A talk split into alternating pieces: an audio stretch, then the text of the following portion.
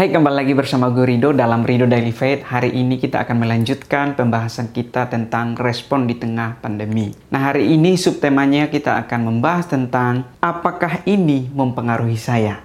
Saya percaya pandemi kali ini tentu mempengaruhi seluruh dunia dan seperti yang kita tahu, gejolak ekonomi sudah terjadi di seluruh negara di dunia ini. Tentunya secara pribadi mempengaruhi kehidupan kita dan bahkan banyak berita yang saya baca bahwa banyak PHK terjadi besar-besaran dan terjadi berbagai masalah ekonomi lainnya. Tidak hanya itu saudara, tentu banyak hal yang kita alami dan membuat kita sepertinya kita merasa sendirian. Hari ini saya mau mengingatkan kepada kita semua bahwa kita tidak akan pernah sendiri karena apa? Karena Tuhan Yesus bersama dengan kita. Tentu respon dari kita kebanyakan atau dari manusia pada umumnya adalah ketika kita mengalami suatu masalah atau ketika kita melihat suatu masalah yang terjadi dalam kehidupan kita, yang terjadi adalah kita selalu berpikir apakah masalah ini, apakah hal ini mempengaruhi kita secara pribadi atau tidak. Tentu pandemi ini sudah mempengaruhi kita semua. Bahkan beberapa bulan yang lalu, semua kita bekerja dari rumah, belajar dari rumah, belanja dari rumah, ibadah dari rumah, dan banyak hal lain yang kita lakukan dari rumah. Tapi hari ini saya mau mengingatkan kepada saudara bahwa ketika saudara mengalami masalah demi masalah, persoalan demi persoalan, tantangan demi tantangan, badai demi badai, saya mau ingatkan kepada kita bahwa kita tidak pernah sendirian. Karena apa? Karena Tuhan Yesus bersama-sama dengan kita. Kalau kita ingat peristiwa murid-murid yang berangkat naik perahu setelah mereka jauh beberapa mil dari pantai dan Yesus tinggal sendirian di situ. Badai datang menghantam mereka dan mereka ketakutan. Apa reaksi mereka, mereka menjadi takut. Apakah perasaan yang sama atau situasi yang sama sedang kita alami saat ini? Kita sedang mengalami ketakutan, merasa sendirian, atau kita justru beriman, kita justru semakin kuat di dalam Tuhan, dan kita terus melangkah bersama-sama dengan Tuhan. Nah, hari ini saya ingin berbagi beberapa pertanyaan dengan teman-teman. Saya ingin kita merindukan persekutuan yang indah dengan Tuhan, dan saya mau mengajak kita semua lewat pertanyaan ini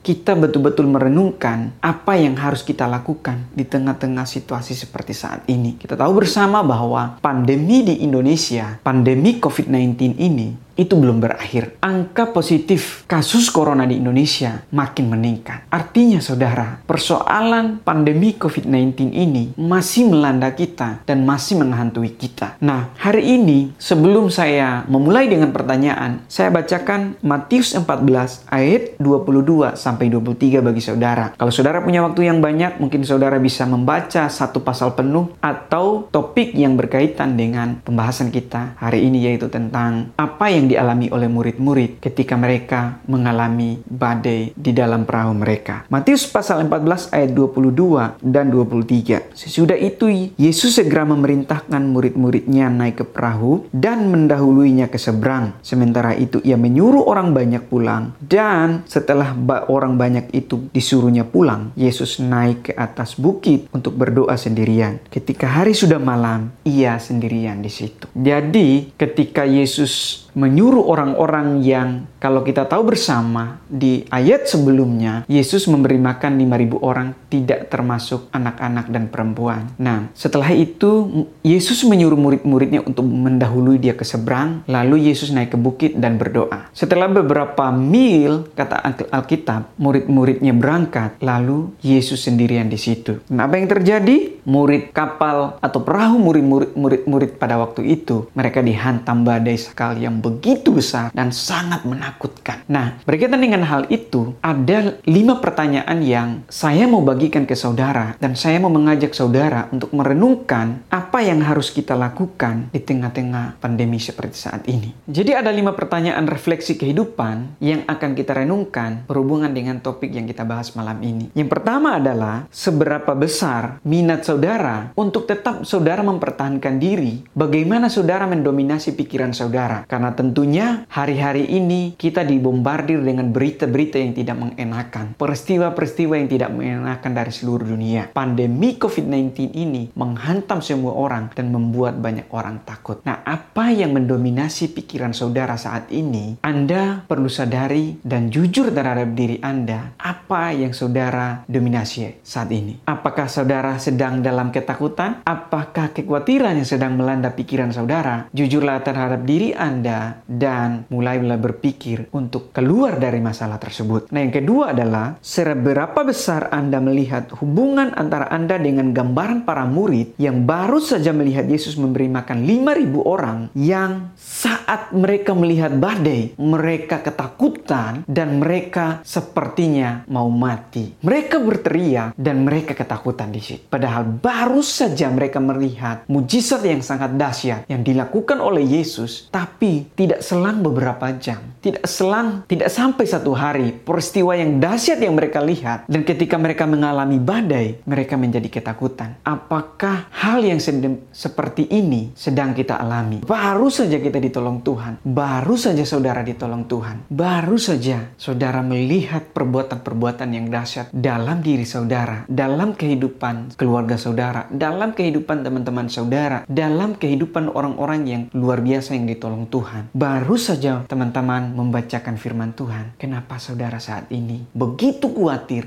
begitu takut, begitu merasa cemas. Padahal saudara ketahui Yesus bersama saudara saat Yesus sedang bersama saudara saat ini. Ketika Anda merenungkan firman ini, Tuhan sedang di samping saudara dan Tuhan mau menjamah saudara. Tuhan mau memberikan kekuatan kebuat saudara. Apakah Anda merasakan saat ini? Apakah saudara seperti murid-murid tadi atau tidak? Saudara perlu renungkan saat ini. Pertanyaan berikutnya adalah, apa artinya ketika saudara ada di tengah badai dan jika Yesus berjalan ke arah saudara, apa artinya bagi saudara? Ketika Anda mengalami badai ketakutan oleh karena COVID-19 saat ini, atau mungkin karena gejolak ekonomi saat ini, coba Anda membayangkan ketika Yesus berjalan menuju ke arah Anda. Atau ketika Anda dalam ketakutan, Yesus berjalan ke tengah-tengah saudara. Apa yang saudara pikirkan? Apa artinya bagi saudara? Renungkanlah dan mintalah pertolongan Tuhan. Tuhan pasti memberikan hikmat kepada saudara. Tuhan mem pasti memberikan hikmat kepada kita semua kalau kita mau membuka diri dan mau bergantung sepenuhnya kepada Tuhan. Dan saya percaya kalau Anda merenungkan pertanyaan yang barusan, saya percaya Anda akan kembali lebih kuat dengan Tuhan. Pertanyaan berikutnya adalah, sekali lagi, jujur jujurlah pada diri saudara, apakah sekarang Anda merasa lebih terhubung dengan Petrus yang baru saja melihat perbuatan yang Tuhan Yesus kerjakan, yang luar biasa itu, dan dia mau mencobai Tuhan dengan dia minta berjalan keluar dari perahu dan dia berjalan di atas air. Tetapi ketika badai itu semakin kencang, angin itu semakin kencang meniupnya. Ketika Petrus berjalan, dia khawatir, dia takut tenggelam. Padahal di depan dia ada Yesus yang berjalan, ada Yesus yang berdiri di atas air. Apakah hal ini juga yang terjadi kepada kita, kepada saudara, atau kepada keluarga saudara? Setelah saudara melihat berbagai perbuatan dahsyat yang dilakukan Tuhan dalam keluargamu, dalam dirimu, dalam hidupmu, ketika kamu mengalami badai saat ini, engkau melihat Yesus, tetapi engkau khawatir. Apakah saudara lebih dekat dengan gambaran tentang Petrus atau tentang murid-murid yang memang mereka takut, yang memang mereka khawatir, tetapi ketika mereka melihat perbuatan Yesus yang dahsyat, firman Tuhan kata mengatakan, mereka lalu menyembah dia dan mengatakan, engkau memang anak Allah.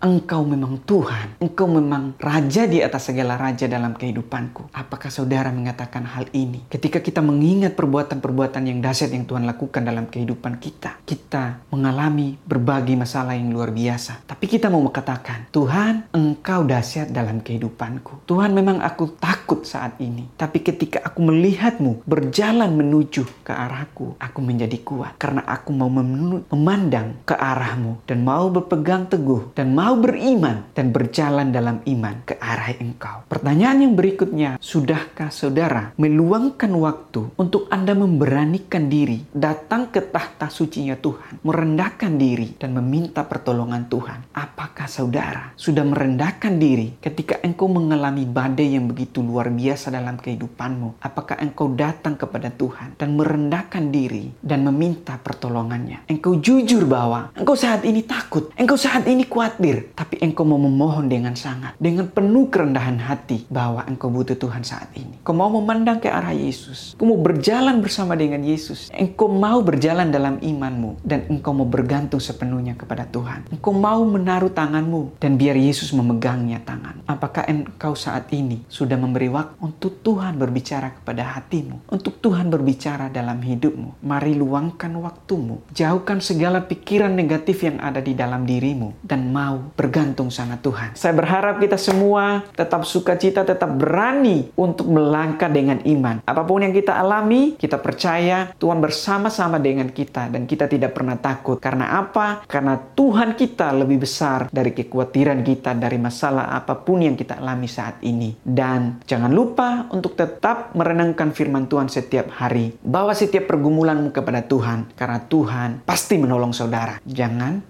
pernah takut. Kuatkan dan teguhkan hatimu dan tetap bergantung sama Tuhan. Terima kasih. Tuhan Yesus memberkati. Oh iya teman-teman, jangan lupa untuk tetap follow, subscribe sosial media. Oh iya teman-teman, jangan lupa untuk like, subscribe, share video ini. Semoga video ini dapat memberkati banyak orang. Ingat firman Tuhan, ingat berkat Tuhan jangan disimpan sendiri. Bagikan kepada orang-orang terdekatmu dan bagikan ke semua orang biar orang yang menonton video ini mereka boleh diberkati dan dikuatkan oleh Tuhan. Tuhan Yesus memberkati. Sampai jumpa di video mendatang. God bless you.